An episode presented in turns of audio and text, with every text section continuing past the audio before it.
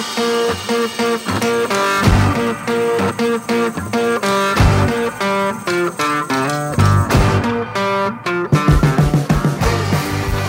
alle sammen, og velkommen til Bakrommet. Dette er jo en bonusspesial. Eh, Det er vår første Anders, hva, hva skjer oppi det derre fylket som du er fra? Det skjer, skjer et eller annet, gjør det ikke det?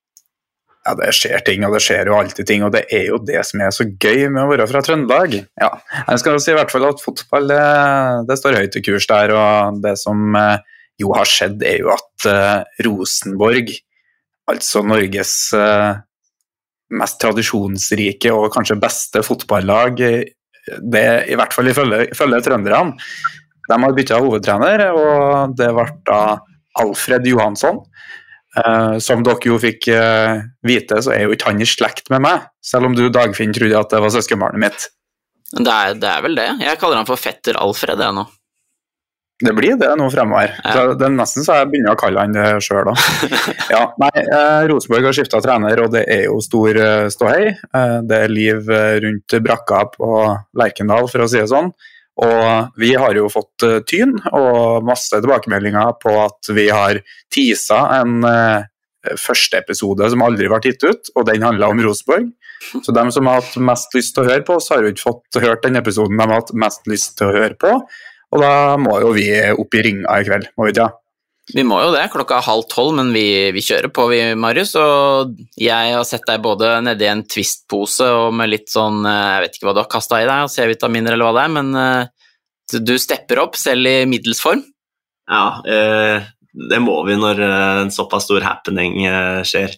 Da føler jeg det er på sin plass når RBK går ut og går dristig ut og tar et skikkelig modig og spennende valg. Da skal vi faktisk eh, sitte oppe til langt over midnatt og, og gi det den oppmerksomheten det fortjener. Men du, det er jo rett ved der du bor, du kunne egentlig bare spasert bort, kunne du ikke? Det er sant, det, det kunne og burde jeg gjort. Ja, det burde. Må ta litt kritikk der. Og Det som er litt trist for min del, er jo at uh, uansett om jeg får trene Rosenborg en gang i livet, så er jeg jo ikke den første Johansson som nå har trent Rosenborg. Og det tar jeg jo litt tungt. Ja, det er tungt. Ja, ja. Han har brøyta vei, da. Jeg har det. ja. Ja, det hadde vært gøy å sette deg der, Marius. Eh, Plutselig bare i pressekonferansen bare rekke opp hånda og bare Ja, kan du forklare litt om hvordan du bygger opp eh, angrepsspillet mot første presselinje? Sånn, nei, nei, nei. Ja, nei, det hadde ikke gått. Det hadde ikke gått. Ja.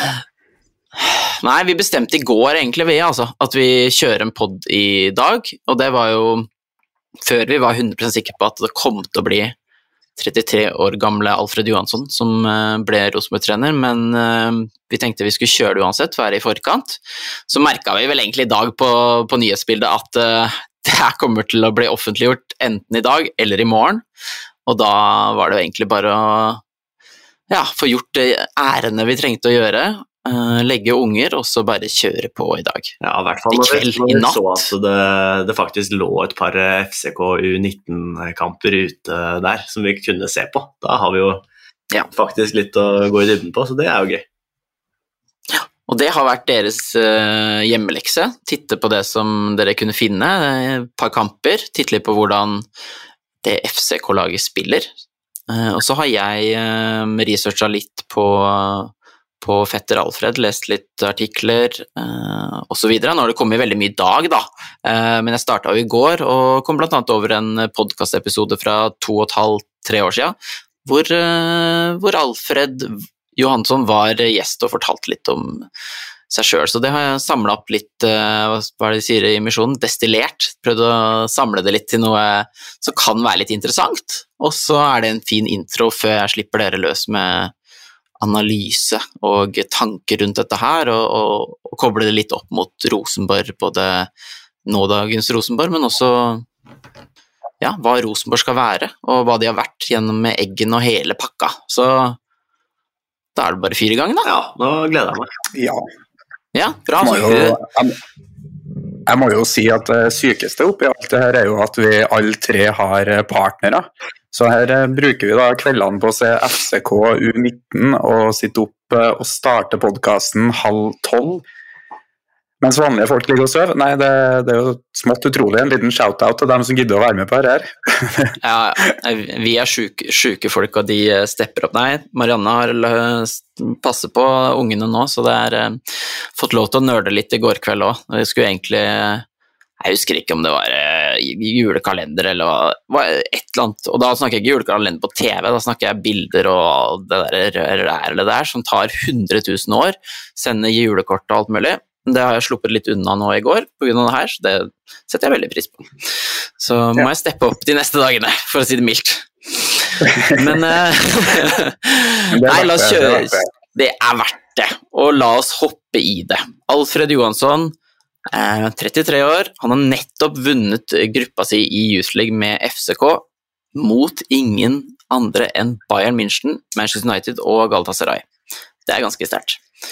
Um, ja, jeg skal prøve å si Alfred Johansson. Det er mulig jeg går opp Alfred. Kanskje blir Johansson, kanskje blir fetter Alfred. Jeg vet ikke. Vi får se, fordi jeg har jo prøvd noen takes på sånn intro, spesielt den introen uh, for et par episoder siden.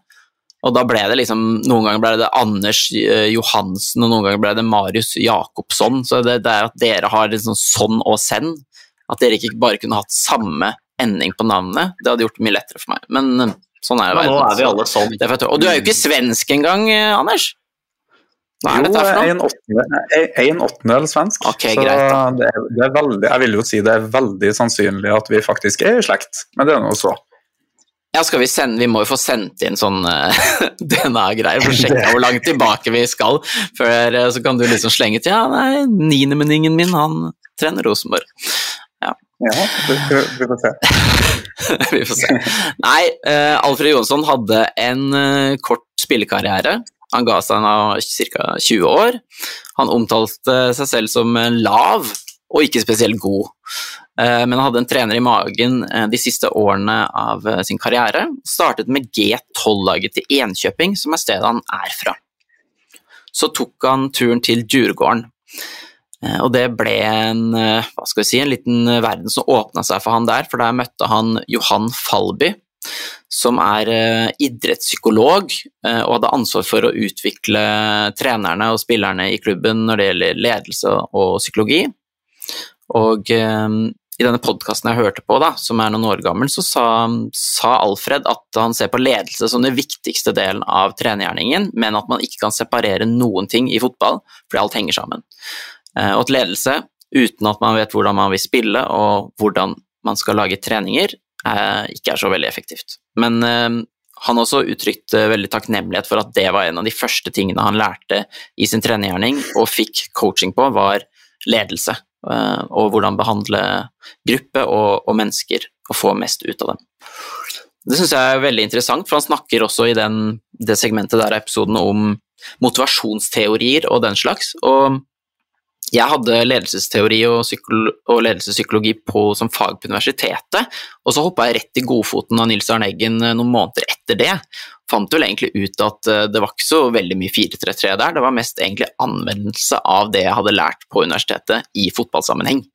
Eh, hvordan man behandler mennesker, en gruppe, eh, motivasjon, all den biten der. Um, så jeg syns det er veldig kult at han i pressekonferansen i dag sier at han ja, nå har jeg bladd litt i godfoten og sånne ting, så det syns jeg var kult, og uh, tyder kanskje, kanskje, på at det kan være en god match. Og så har jeg jeg tror kanskje det er bare én quiz i dag. Uh, Anders leder vel 2-1, er det ikke sånn? Det er 2-2, men jeg vet Jo. Nei, jeg tror det er 2-1, faktisk. Nei, ta faen ikke prøv deg, Marius. Nei, det er 2-1. Ok. Um, det var ikke så mye quiz å finne her, tenkte jeg, men uh, det jeg lurer på, dere har fått med dere, er hvem det er førstemann ut her, hvem er rykta som Anderssons assistent Jordi i Rosenborg? 2-2.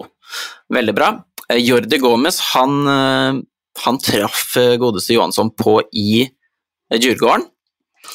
Og eh, ja, han har ganske mye fint å si om han. Han sier at uh, Jordi Gomez var en veldig stor inspirasjonskilde for, uh, for, han da han var i Djurgården. Så det er jo litt kult at uh, den koblinga der kommer nå. Vet dere hvilke norske klubber Jordi, Gomez, Jordi Gomez faktisk, Jordi Gonzales har vært fysisk trener for? Sandefjord. Og oh. siste er litt vanskeligere. Det er lett for meg. Ok. Lett for deg. Ja, alle, alle Nei, alle, alle. Det er Stabæk. Det var en litt, jeg, tror det, jeg husker ikke om det var Kjøne, jeg tror kanskje det var under Kjøne.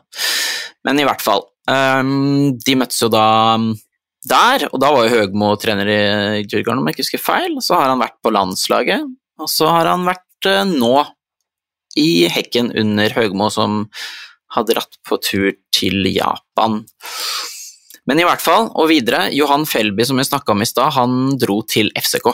Og det var kanskje litt avgjørende for at uh, Johansson havna i FCK, fordi der fikk, uh, fikk denne idrettspsykologen uh, psykologen, jobb med rundt A-laget, men også med å utvikle det idrettspsykologiske akademiet. og Alfred søkte så etter hvert på jobb som assistent for U14 og U15. Og den jobben fikk han jo, da. Um, og så, i det oppholdet i FCK, så var det én kollega som hadde kommet inn på High Performance Football Coaching masterprogram i Portugal, som jeg, dere to sikkert har hørt om. Ja, det nikkes ja, ja. i kameraet her. Ja. Det nikkes. Uh, det nikkes.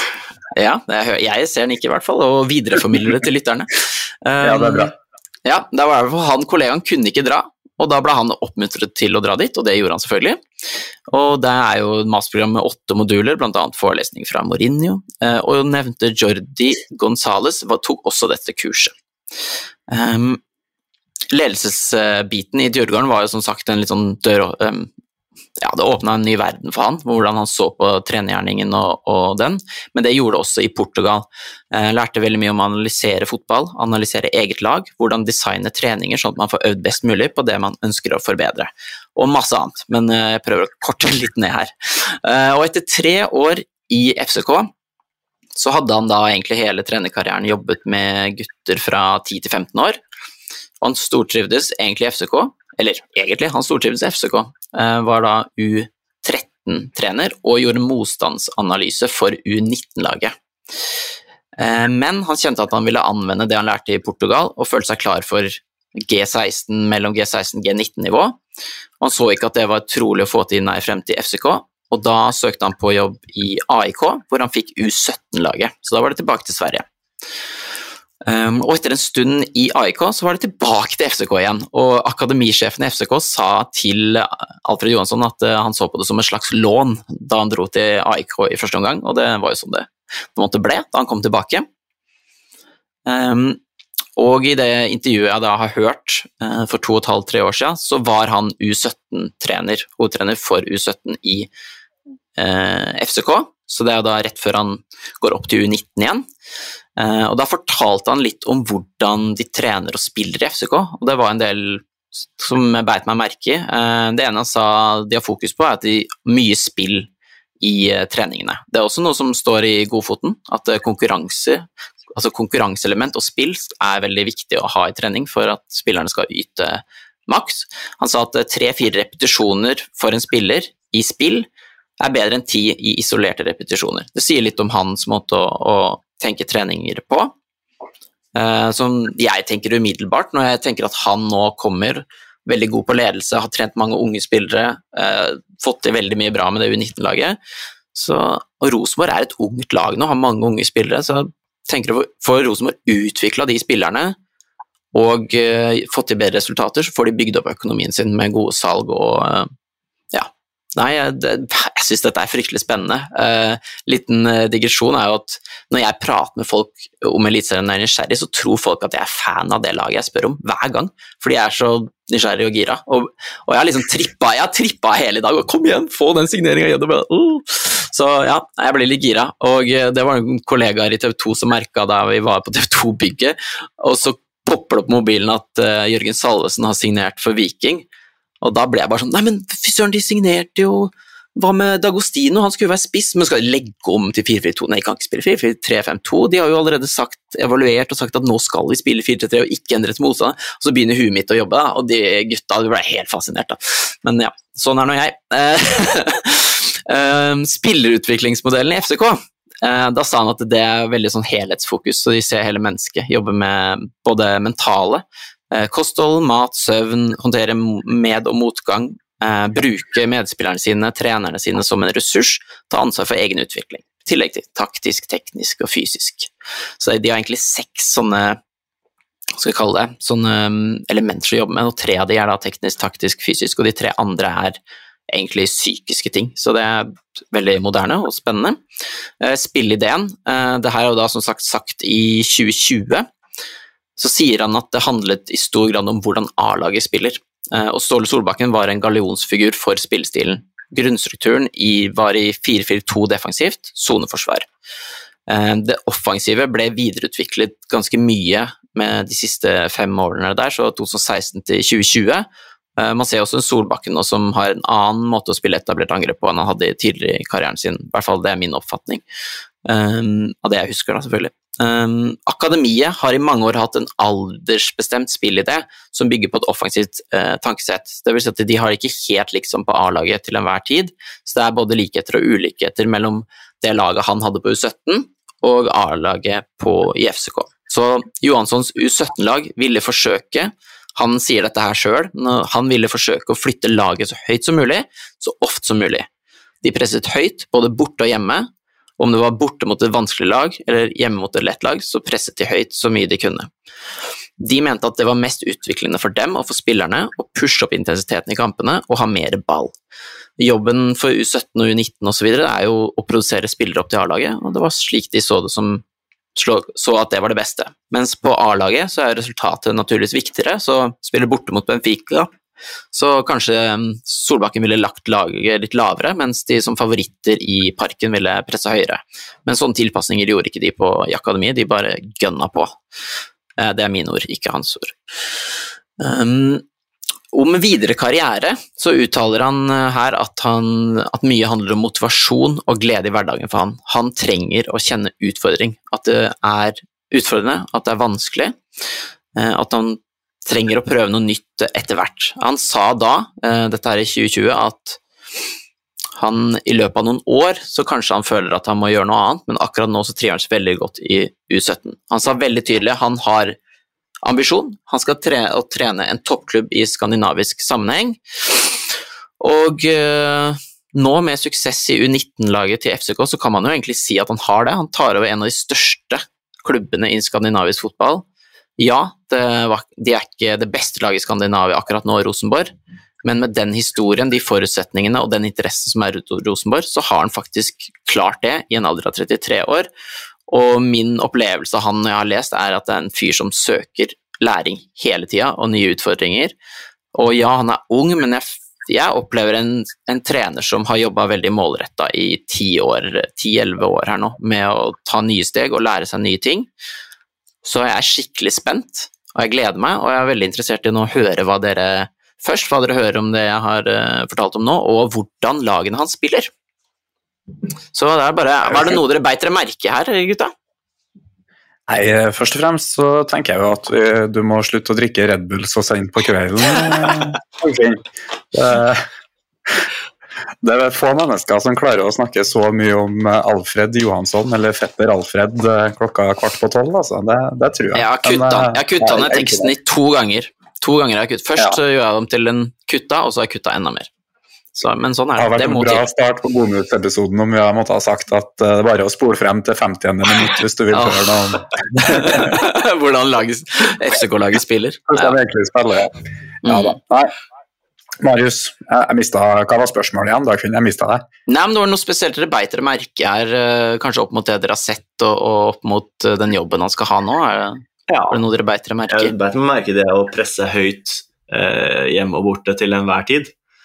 Det, det syns jeg skinner igjennom. Så ofte som mulig. ja, det skinner igjennom i, i, spillestilen hans. Det er et lag, FCK i 19, det er et lag som eh, som du ser pusher opp intensiteten, sånn, eh, sånn som han nevner i den podkasten.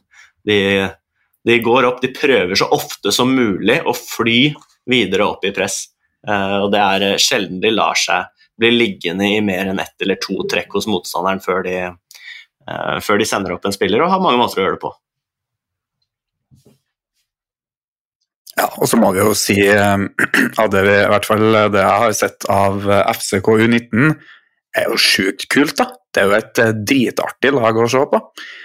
Så hvis det blir sånn med Rosenborg, så skal jeg begynne å se mange Rosenborg-kamper, jeg òg. Nå har jeg jo sett en god del i forbindelse med at vi skulle ha en hel episode om det som det ikke ble noe av, men læl skal jeg begynne å se ganske mye Rosenborg fremover hvis det blir sånn her. Ja, da, det, det, skal jeg jo, jeg skal se det uansett, men eh, jeg merker jeg blir gira av det her, altså. Så ja, skal vi gå litt inn på hva dere har sett av etablert angrepsspill, eller bare starte, starte litt der? Nå har vi tatt litt om om presspill, og at det generelt ser ut som et artig lag. Så ja, ja da må du fortelle, gå litt i dypet her for å fortelle oss hvordan det er artig. ja, jeg må jo forklare hvorfor det er artig. og Det er jo en uh, sånn klassisk uh, altså Det er jo et åpenbart ønske om å dominere fotballkampen her.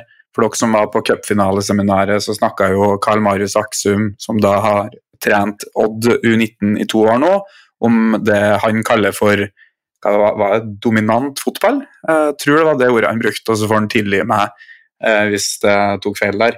Men i hvert fall det her med å gå ut på banen for å eh, kontrollere kampen og ta initiativet, da. det er det jo ingen tvil om at eh, Alfred Johansson virkelig ønsker. Og det høres ut som han har holdt seg lojal til sine prinsipp gjennom karrieren så langt.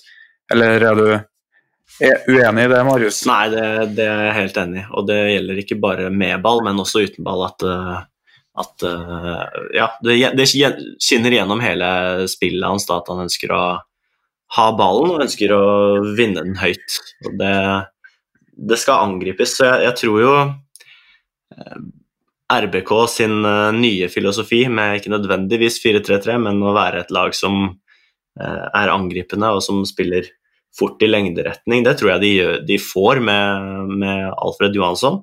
Jeg syns presset deres er veldig bra, eh, og at den typen hurtig lengderetning, eh, når de først vinner ballen, har sjansen til å kontre, som, eh, som eh, det kan være at RBK-fansen vil ha litt tilbake til, det, det ligger i spillet til FCK U19 akkurat nå, i hvert fall.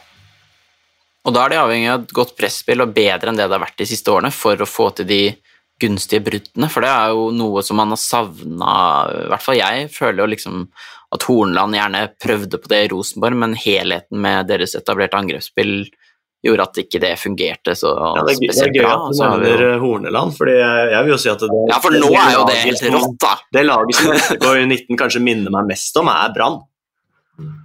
Åh, oh, det er uh, åh, det, er bare, det, er, det jeg vil gjerne ha ett lag til som spiller sånn i Eliteserien. Det gjør ikke noe. Ja, det, det, tror jeg du får nå, i hvert, hvert, fall i presspillet. Og så er det kanskje ikke helt likt i det offensive, men, uh, men, i presspillet, den intensiteten som de har, og den måten de har å presse motstanderen på, den blir veldig lignende, tror jeg, som det, det Hornelands Brann har vist i år. Ja, og så må jeg jo si jeg jo si at det er et uh, veldig godt tegn at han uh, at det er en sammenheng mellom uh, det han ønsker å oppnå i fotballkampen generelt, og det han òg gjør i de ulike spillefasene. Altså det er sånn, Rosenborg ønsker jo også nå å være et angripende lag, men forsvarer seg i hvert fall de siste par månedene på en måte som gjør at de nesten aldri har ballen. Og hva, hva skjer med det? Altså sånn, Enten så ønsker du ekstremt å ha ballen, altså Pep Guardiola presser som regel høyt, han også. Eh, I tillegg til at man eh, er sykt opptatt av det etablerte angrepsspillet. Da. Men uh, Alfred Johansson vil presse høyt, han vil ha ballen, han vil angripe mot mål og han vil vinne den tilbake når han mister den.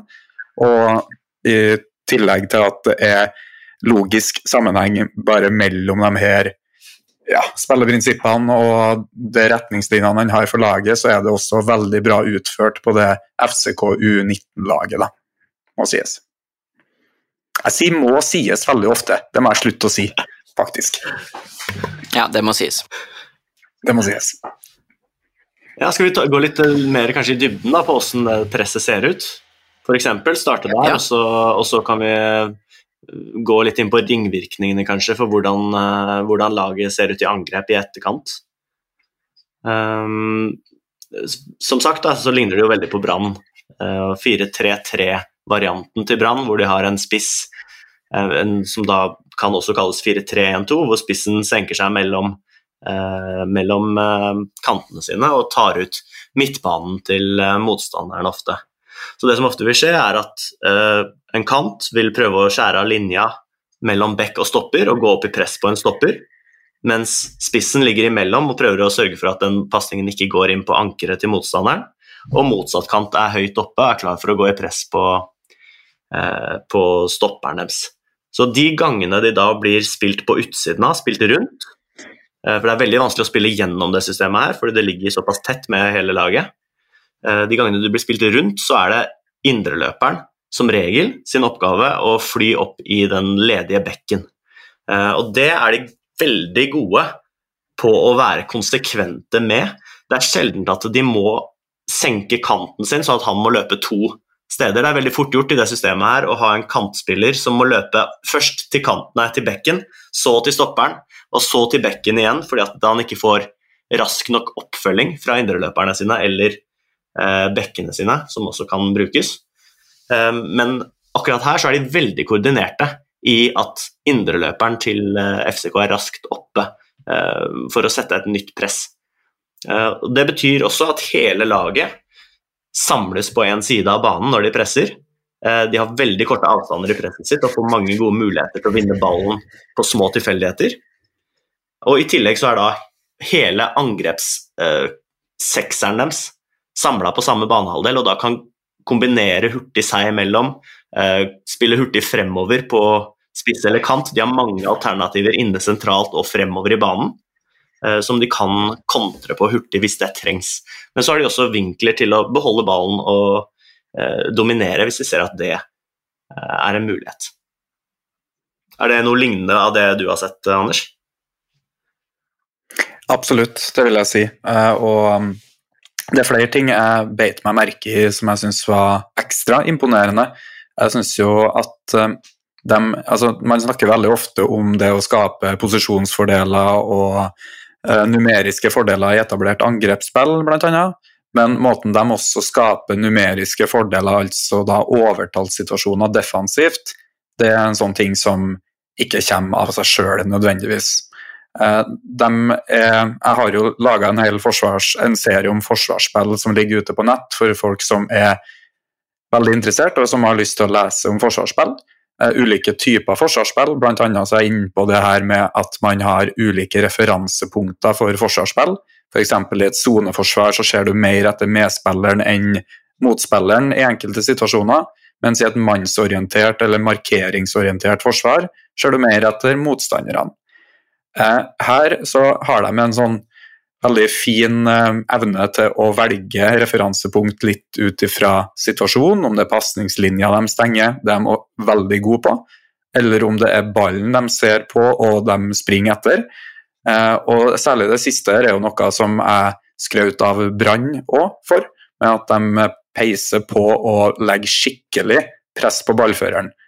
Og presser, altså flyr videre i press, som du sa, Marius, med at de presser på en måte gjennom, eh, som man kan si, og at man går videre til neste pasning. Ofte så vil de ligge og vente til den første pasningen blir spilt fra keeper, og fra derav så bare springer de helt til de har eh, pressa frem en feil eller vunnet ballen, ofte. Og måten de eh, deler banen i to eller innsnevrer området motstanderen kan spille på, og f.eks. kantene som du nevner, de må ikke falle bare for å hindre progresjon, men noen ganger så faller de for å doble opp på motstanderen med ballen, og så vinner de en, med en overtallssituasjon. Dagfinn eh, så opp i været der, så jeg lurer på, fikk du med alt der? Du er på mute.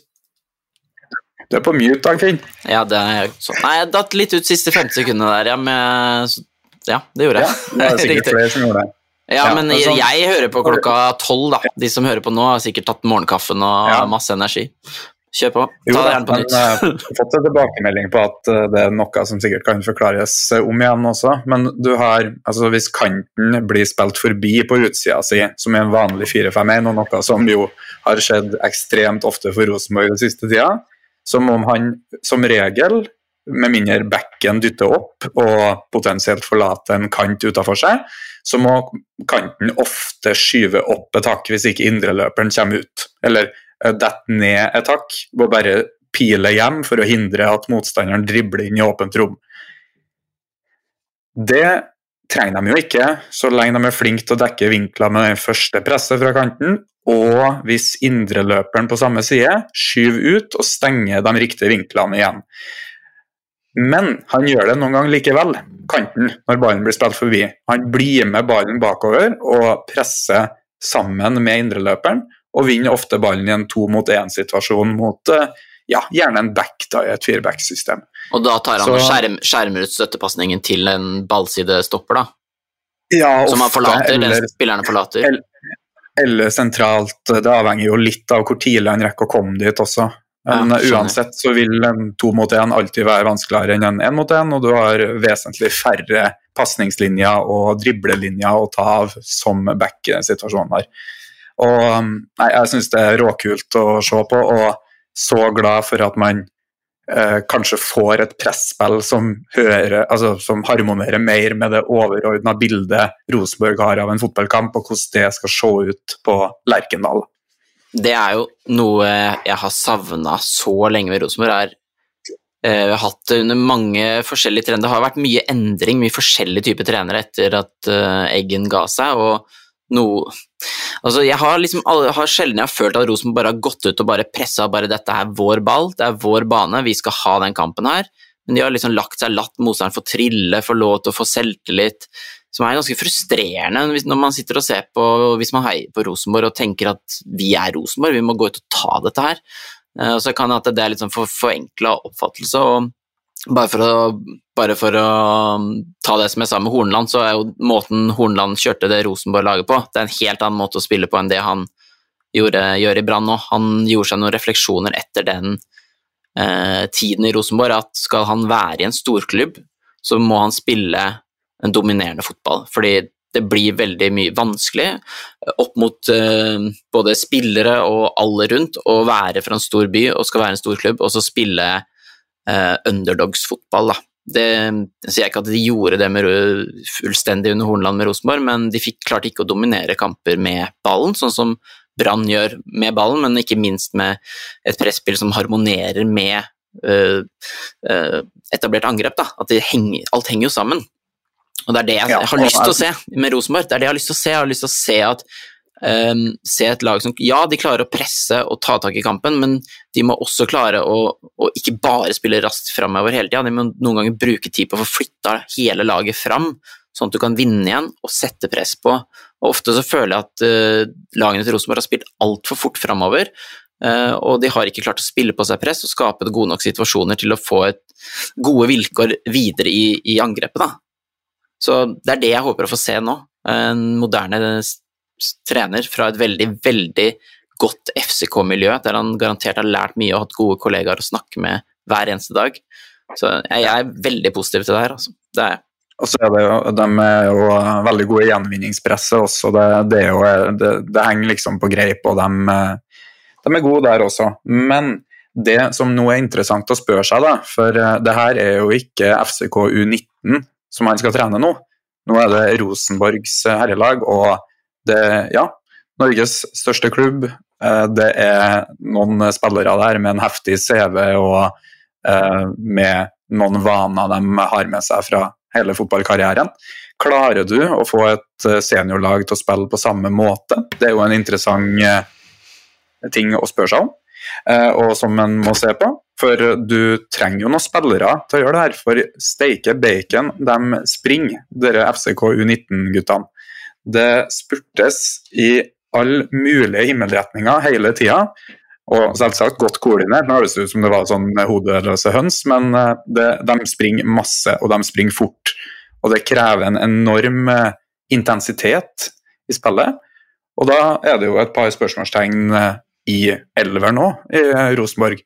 Og om de klarer det på kunstgress, som jeg alltid kommer til tilbake til. Men derfor passer det jo litt uh, bra at uh, RBK faktisk har en uh, gresshjemmebane som uh, kan gjøre det presspillet kanskje enda mer effektivt, spesielt hjemme. Eh, men og som du sier, da, det krever veldig mye, det, det systemet som spilles. Det krever mye fysisk i eh, forflytningsevne og aggressivitet hos, eh, det, hvilket enn lag han eh, skal coache, og denne gangen så ble det Rosenborg. Eh, og spesielt både kanter, ja, de, de, må, de, må, være raske og gode og aggressive i press. Eh, det tror jeg kan passe kantene som Rosenborg har fra før. Indreløperne de har store, store avstander å dekke. Som dere hørte tidligere, så, så må de altså opp De må opp i La oss ta først høyre indreløperen uh, i Johanssons system. Du må opp i venstrebekken til motstanderen og presse. Uh, og så dersom ballen ender opp med å gå til den andre bekken, så er det altså den andre indreløperen din som skal opp i det presset. Da sier det seg selv at uh, du kan ikke være så altfor langt unna. For ankeret han er nødt til å dekke Eh, rett i nærheten av, eh, av den indreløperen for å dekke rommene i nærheten. Og så må du som da høyre indreløper godt over midten av banen eh, og ned og inn sammen med ankeret ditt. Du har enorme avstander å dekke de gangene du ikke klarer å sette den fella og overbefolke ballområdet. Men det som har vært veldig imponerende å se, er at det er sjeldent at det skjer.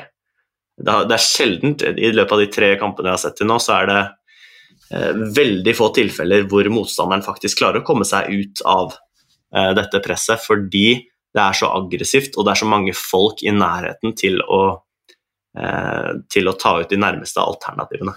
Så spørsmålet er kommer du opp på seniornivå, så kan det være at de løsningene, å klare å finne motsatt, de fins. Og det er spillere der som klarer å finne de nøklene. Dagfinn? Ja, nå har jeg i hele dag nå så har jeg bare liksom vært helt sånn hypa på at det her blir kjempebra. Men når vi begynner å snakke om det her nå, så dukker det opp noen sånne skal si, varsellamper i hodet mitt. Det ene er jo det Anders sa med kunstgress, at det, eh, da går det jo mye fortere langs bakken, og ballen spretter jo ikke sånn uforutsigbart, som gjør det vanskeligere å kanskje få dekke så mye rom og presse på den måten. Det andre er jo at han skal jo ta over spillere som er eldre, kanskje har hatt skader og den type ting. altså hvor, hvor eh, altså Du kan piske 17-åringer, 19-18-åringer til å løpe som F. De har ikke alle disse kilometerne i beina fra tidligere. Det er liksom det ene. Og så tenker jeg på Ole Sæter, om det her passer han eh, i forsvarsspillet. Så du vil jo gjerne ha Nypan på ene indreløperen, og jeg vet, Skarsheim eksempel, det er jo De bør jo kunne løpe ganske bra. Så jeg er litt spent på hvordan det hvordan, hva tenker du om det? Fordi Ole Sæter skal jo spille Nei, Ole Sæter. Ole Selnes skal jo spille. Uh, da mente jeg feil. Ole Sæter tror jeg kommer til å gjøre det bra i systemet, det er ikke noe problem. Ja, at han spiller i den nieren Og Fredriksen. Ned, det er ikke noe problem i det hele tatt. Fredriksen, Nei, Fredriksen nå tror jeg kommer til å passe kjempebra. Absolutt. Tror du ikke det? Nelson kommer til å passe ypperlig. Uh, så spørsmålet der, Selnes. det er nok kanskje Ole Selnes. Hvordan ser den ankerrollen ja. ut defensivt for hans del? Hva tenker du, Anders? Ja. Ja, det er jo noe jeg har eh, vært inn på her. Altså bare må skyte at hele altså Premisset i denne episoden her er at Alfred Johansson gjør det samme i Rosenborg som han gjør i FK U19. Det kan jo hende han gjør helt andre ting, men hvis han går for det samme systemet Vi må hele tida ta høyde for at han gjør det, helt klart. eller ta utgangspunkt i at han gjør det. Eh, og Ole Selnes eh, får jo noen meter han må dekke der, så jeg er jo, jeg er jo litt spent hvordan han løser den. Han kompenserer jo ofte, da, eller han kan kompensere med ganske god posisjonering og eh, gode valg defensivt eh, også. Eh, og det er ikke den dyprollen som er kanskje mest eksponert. Eh, det som kan skje hvis eh, det blir en indreløper fri bak han indreløperen som støter ut, eh, så kan man jo reparere med å presse frem med en back i stedet. Det er jo en sånn ting som går an, eh, og ja, som Liverpool bl.a. igjen har gjort. En annen ting som jeg tenkte å nevne som er litt interessant oppi der, eh, er Moss, som rykka opp fra Post Nord, berga plassen i år.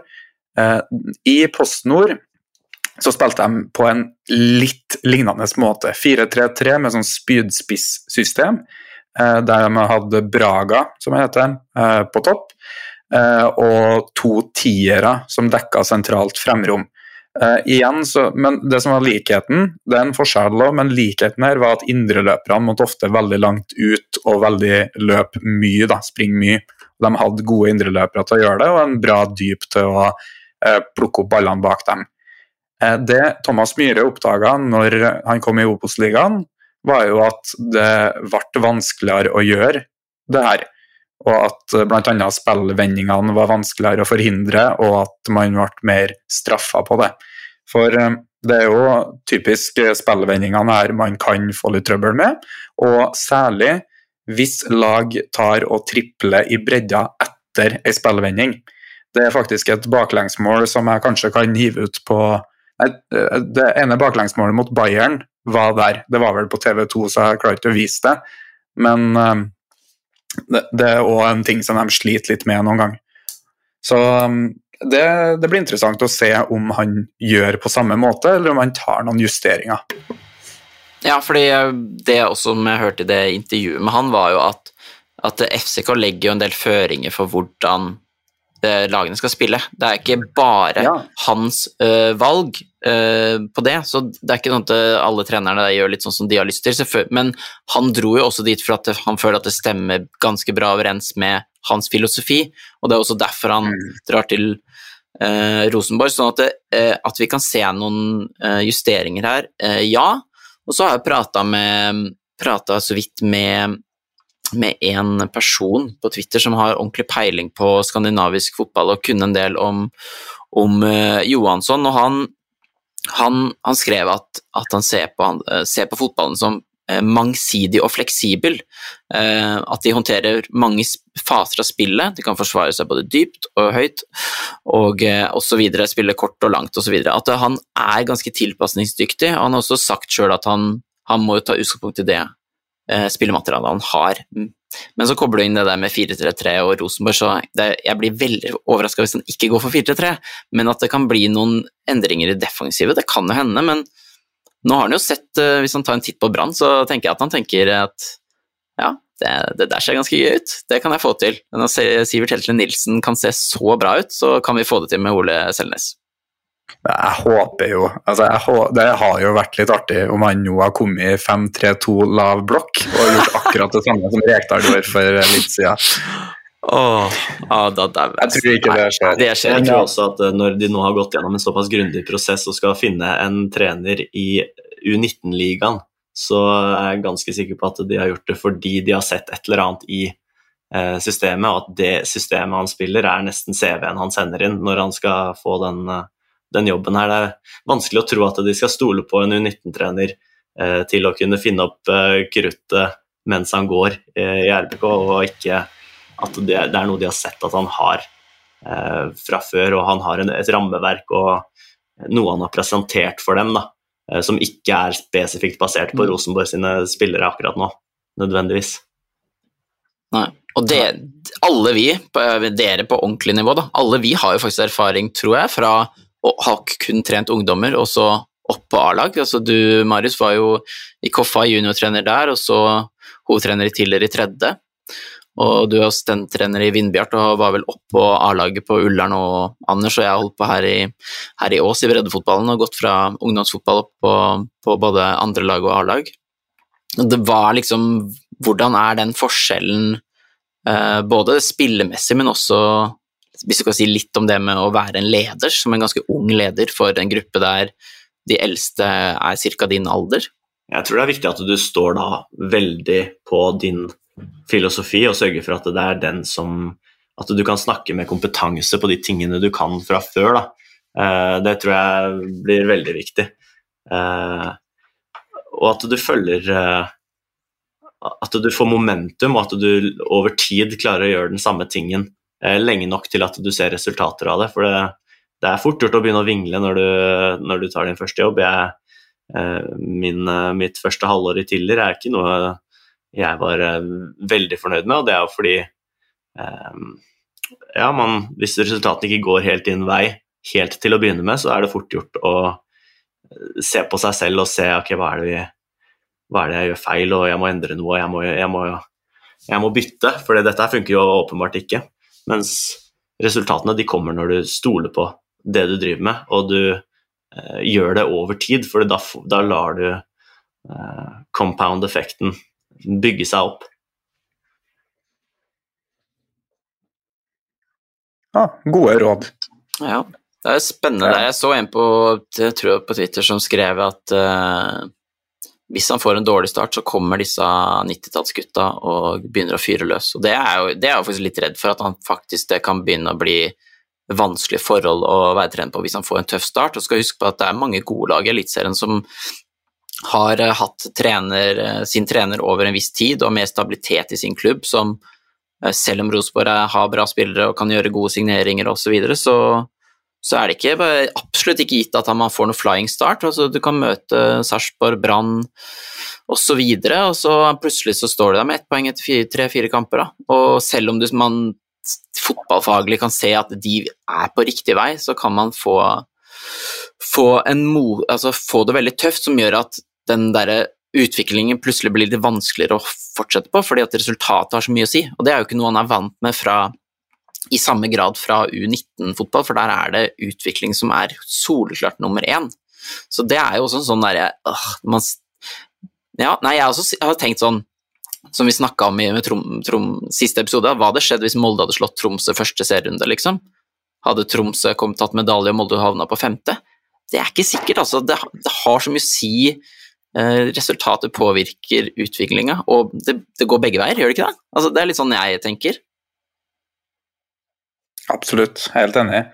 Og en annen ting som han kommer til å få bryna seg på, som man kanskje ikke gjør i like stor grad på U19, er jo det her med at de fleste U19-kampene ja, og nå drar jeg jo alle under en kam her, da, så, men veldig mange U19-kamper er ganske like. Og hvis vi ser dere kampene fra Youth League, så er det jo litt sånn at begge lag prøver å Eh, presser høyt, begge lag prøver å spille seg ut. Det er få lag som legger seg i lav blokk og kelker ballen oppover. Eh, det er jo også et sunt tegn for Youth League generelt, syns jeg. da. Det hadde vært urovekkende om det hadde vært motsatt. Men du kan møte det i Eliteserien. Du kan møte et 5-3-2 lavtliggende som ikke er interessert i å gi deg noe som helst rom, og lar deg ha ballen rundt dem hele tida. Og da jeg er spent på hva han gjør. Altså sånn, Hvordan man takler de utfordringene når man kanskje ikke har møtt dem like ofte. Vi kan jo begynne å gå inn på litt hvordan eh, det ser ut offensivt. da. Eh, nå har vi vært innom hvordan systemet ser ut eh, defensivt, og hva slags roller som fylles der. Og så er det hvordan, hvordan, hvordan han tweaker den formasjonen til å bli en, en shape som han ønsker å angripe i. Hva, kan ikke du starte litt der, Anders? Hvordan du, hvordan du har sett at de Nå er jeg så spent! Jeg har lyst til å er, hvor, er det bekker inn i banen? Er det en indreløper som kommer dypt? Nei, kom igjen, kjør på, gutta! Mer enn gjerne. Det viktigste er å begynne med det litt generelle, tenker jeg. Med at han er veldig offensiv i sin måte å spille etablert angrepsspill på. Og med det så mener jeg at det er veldig mange spillere Eh, i, i, mellomrom og oppover, som regel. Og at de som er bakerst, tør å ta på seg mye press, komme nært den første forsvarslinja og spille ganske nærme da, motstanderens spisser og kanter. Um, det her er jo da Du kan på en måte si at det er en litt risikabel måte å spille angrepsspill på, fordi at du har eh, Han har ofte fire stykk som er klar for å som er igjen i det som heter for rest defense, da, med et uh, gjenvinningsforsvar helt bakerst. Og så kan man egentlig snu på det og se på det som at hvis du har flere til å spille fremover på, så vil det være enklere å spille fremover, som gjør at du tryggere kommer deg oppover i banen, og kan kanskje gjenvinne den høyere, i stedet for å få kontring i det hele tatt. Så noen ganger så er det, ja, og dette er veldig situasjonsavhengig og kampavhengig, noen ganger så er det faktisk mer eller mindre risikabelt å ta større risiko i angrepsspillet på én måte. Så, men han er i hvert fall i den enden av skalaen der at han eh, bygger med så få som mulig, kan man egentlig si, og prøver å avslutte angrepet med ja, ganske mange. Uh, og særlig i mellomrommet sentralt. og jeg vil jo si at de i stor grad prøver å komme seg gjennom sentralt og eh, bruke et sentralt overtall for å få til det.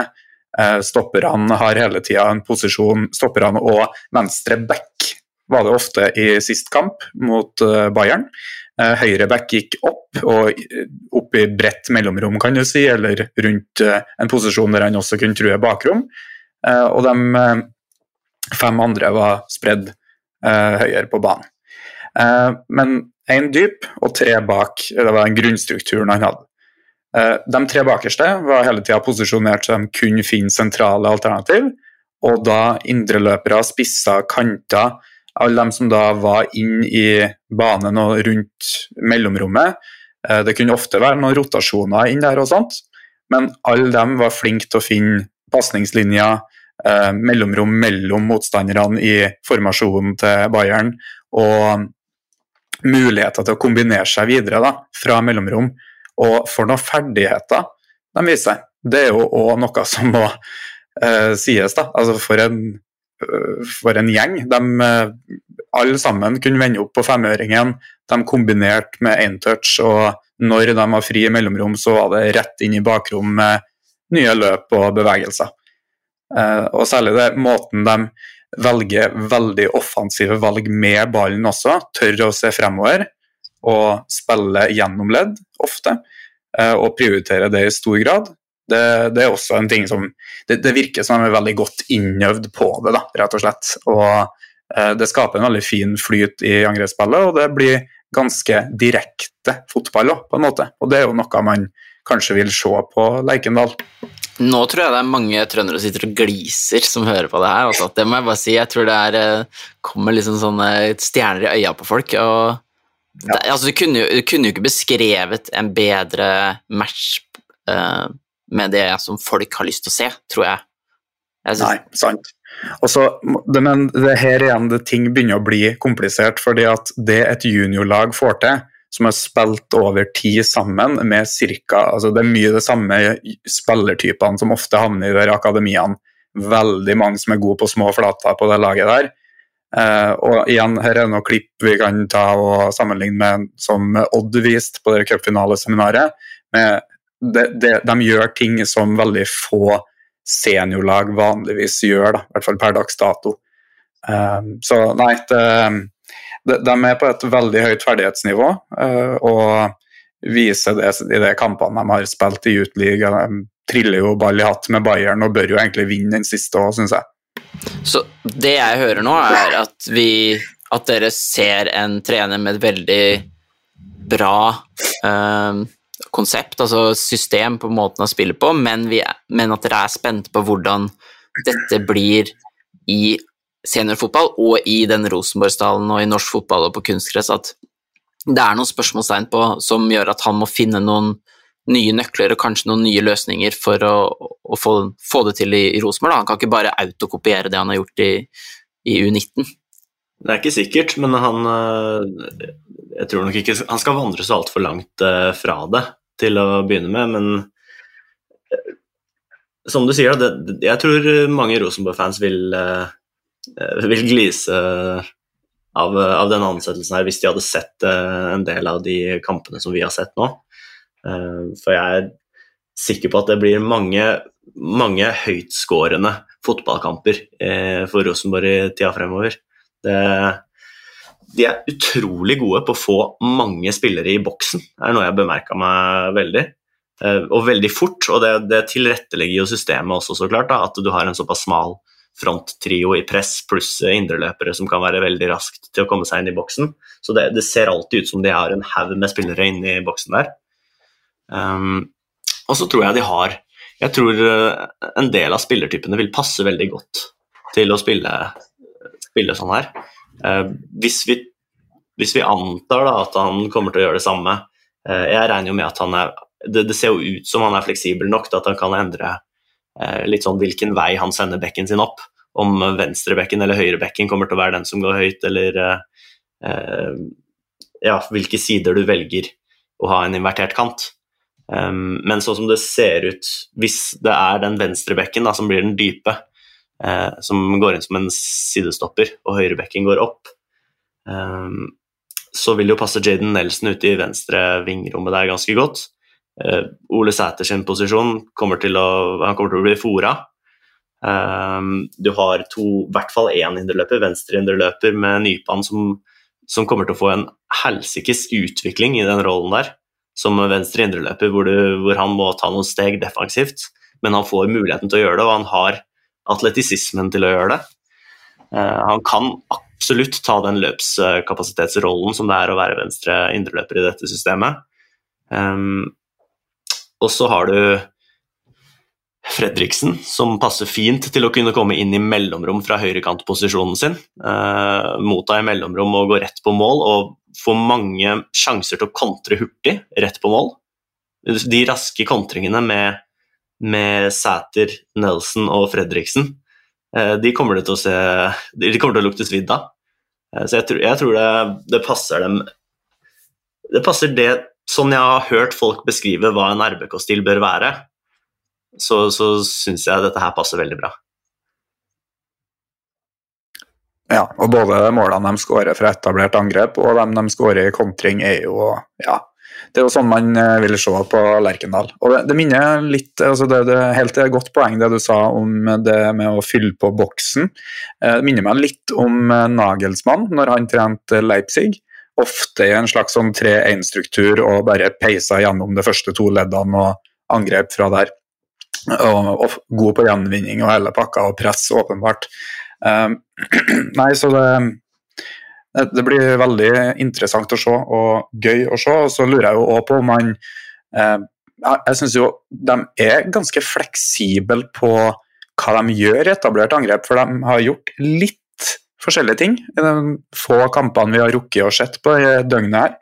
Eh, blant annet så eh, varierer litt hvor høyt man sender backen. Noen ganger ligger den lavt som en vanlig 4-3-trekant ofte, eh, back ofte gjør.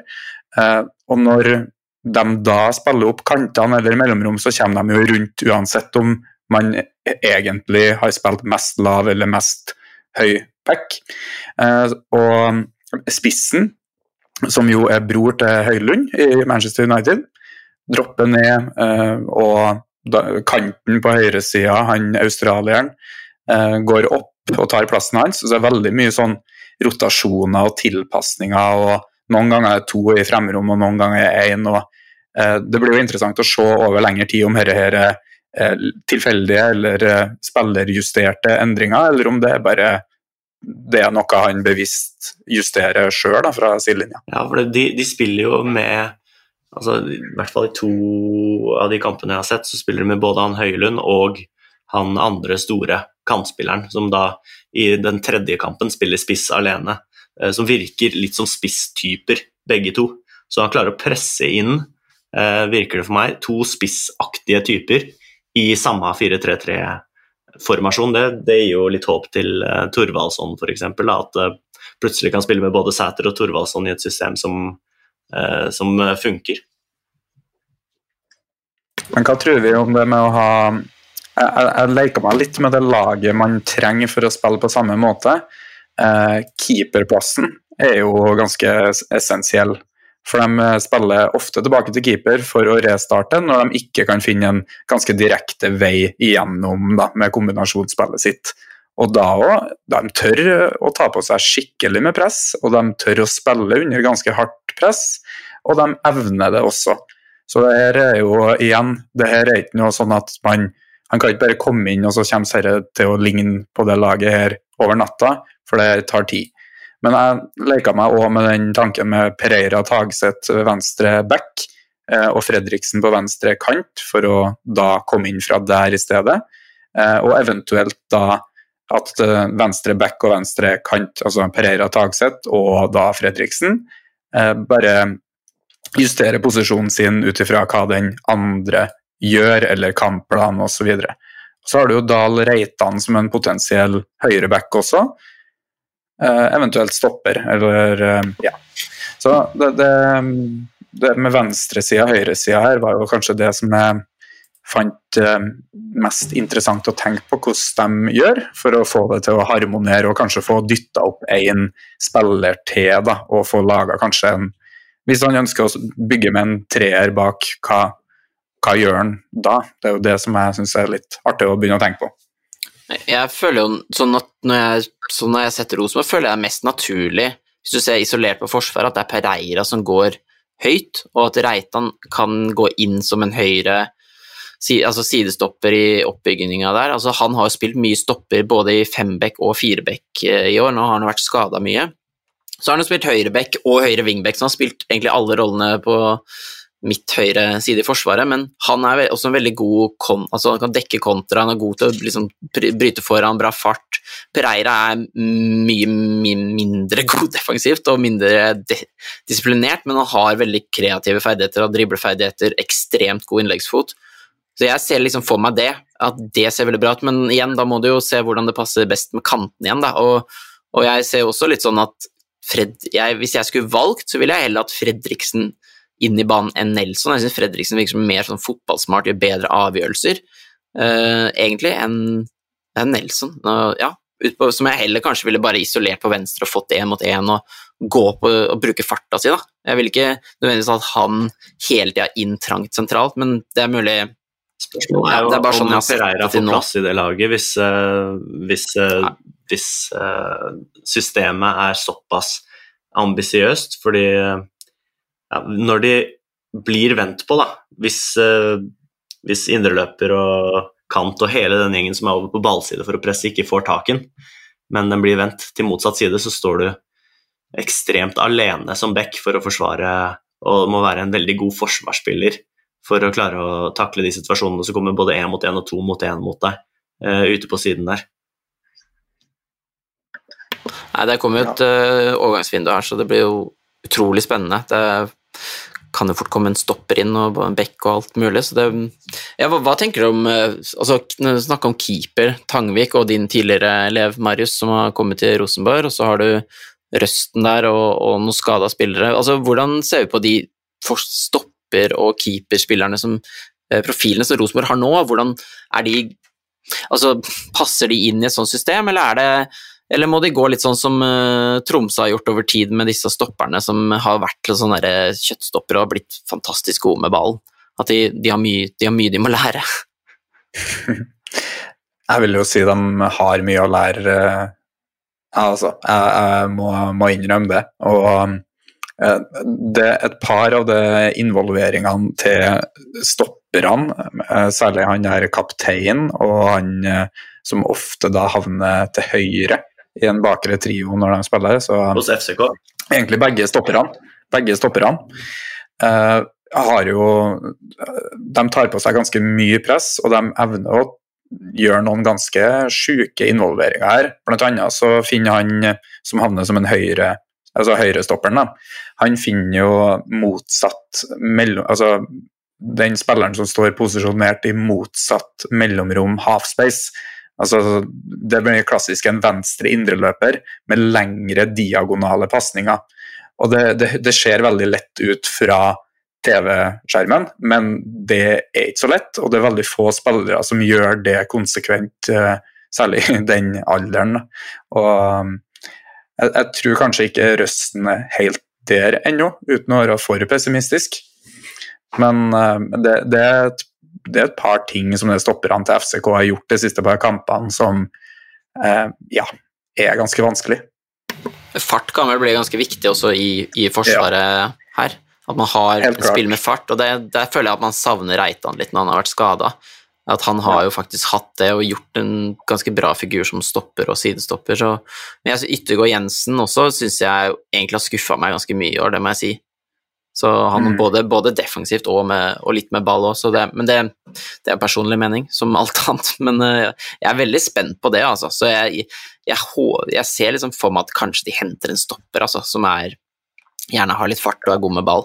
At det, at det er noe de kan ja, gjøre. Det, det, når man begynner å tenke sånn, så er det egentlig mye å være spent på òg. For um, det andre du trenger, er jo spillere som er gode til å kombinere sammen, og kombinere på små flater gjennom mellomrom.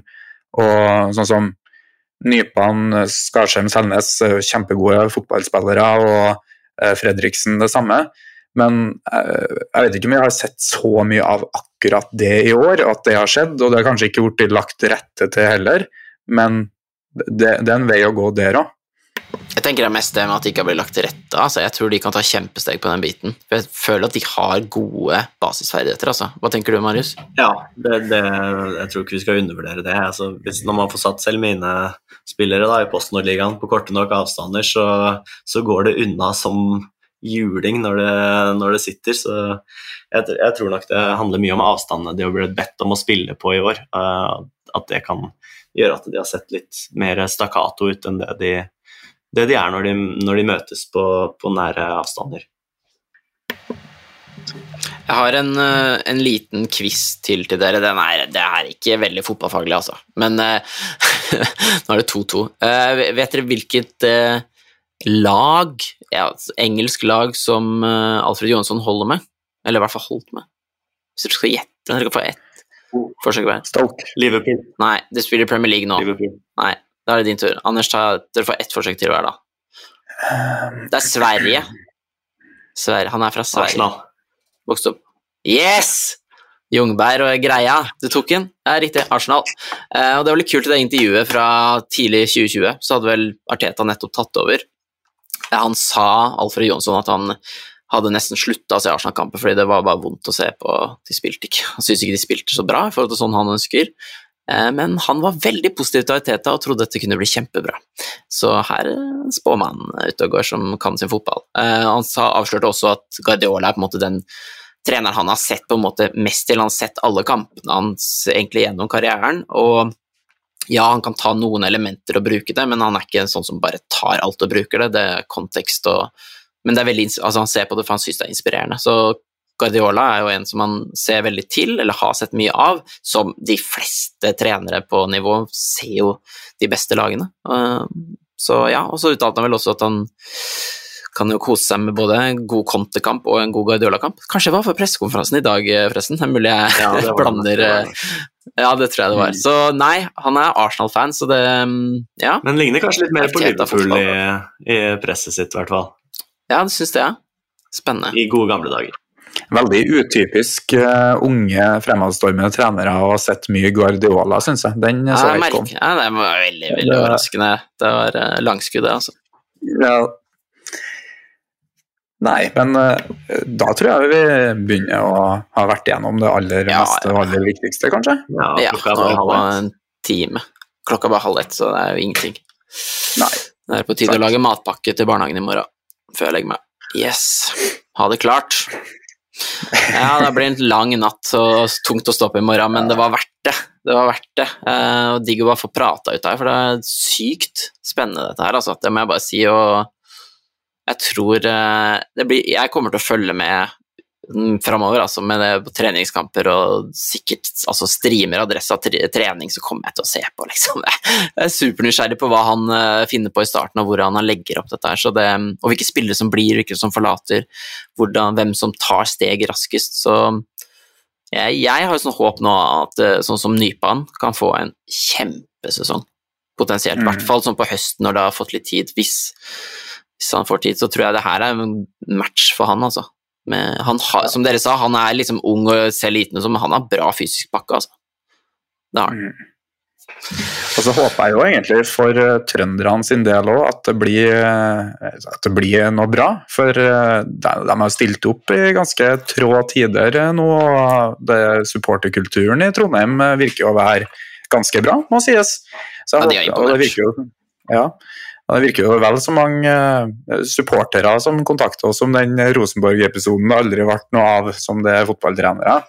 Så um, det, det, er tydelig et engasjement. Jeg merker jo bare når jeg sa det i starten, og når jeg skulle prøve å beskrive Rosenborg som klubb, at den blir Ja, man vet hvor mye det betyr for folk at man ja. passer på å ikke uh, si noe feil. Men ja, Rosenborg fortjener i hvert fall å få se eh, ordentlig flott angrepsfotball. Eh, selv om jeg tror det er et stykke opp til dem helt på toppen akkurat nå.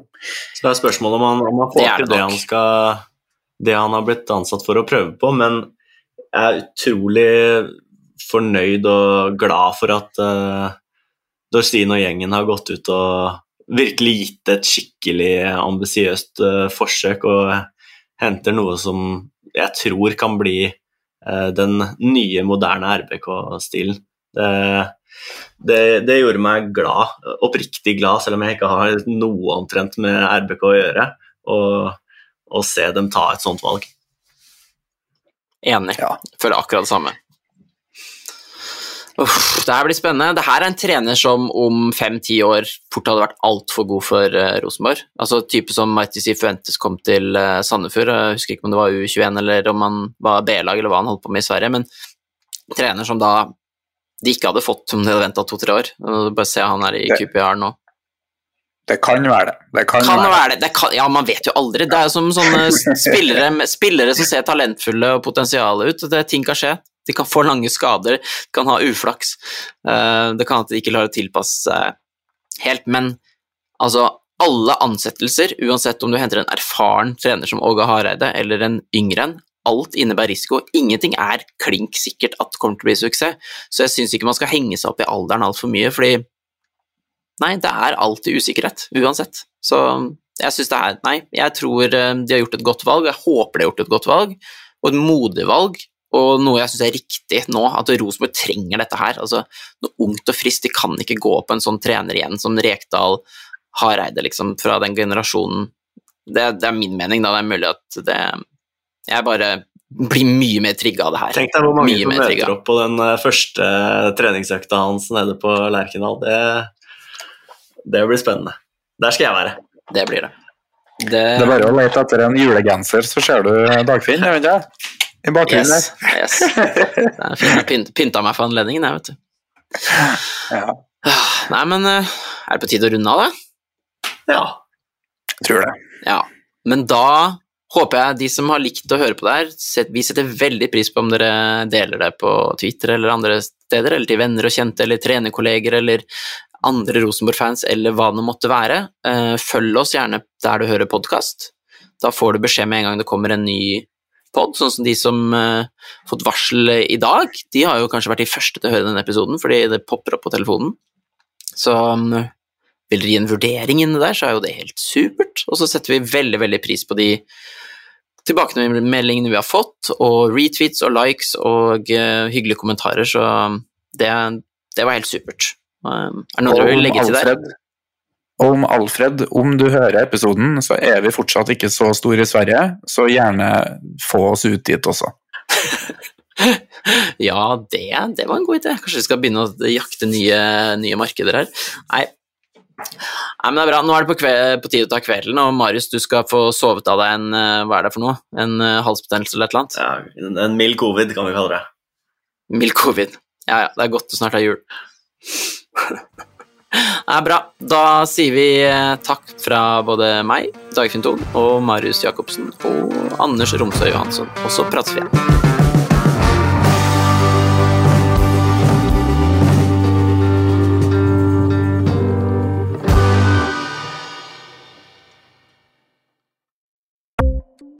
Ukens annonsør er HelloFresh. HelloFresh er verdens ledende matkasseleverandør og kan være redningen i en travel hverdag. Mange av oss har nok vandret i butikken både sultne og uten en plan for middagen, som ender med at vi går for de samme kjedelige rettene gang på gang. Middag burde være dagens høydepunkt. Som Hello Fresh kan du nå velge mellom 25 ulike retter hver eneste uke, eller få Hello Fresh til å sette sammen menyen for deg. Dette gir deg muligheten til å prøve nye og spennende retter alene eller sammen med familien. Du velger antall porsjoner og får alt levert på døren på et tidspunkt som passer for deg. Oppskriftene er enkle, og maten er lett å lage både for store og for små. Ved å få alt levert hjem får du også mer tid til å dele matgleden med familie og venner. Kanskje det frister med asiatiske tacos eller greskinspirert kylling?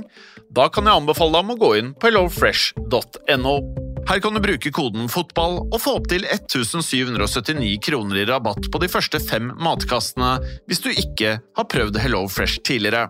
Du kan også bruke rabatten hvis du har vært kunde og stoppet abonnementet ditt for tolv måneder siden eller lengre.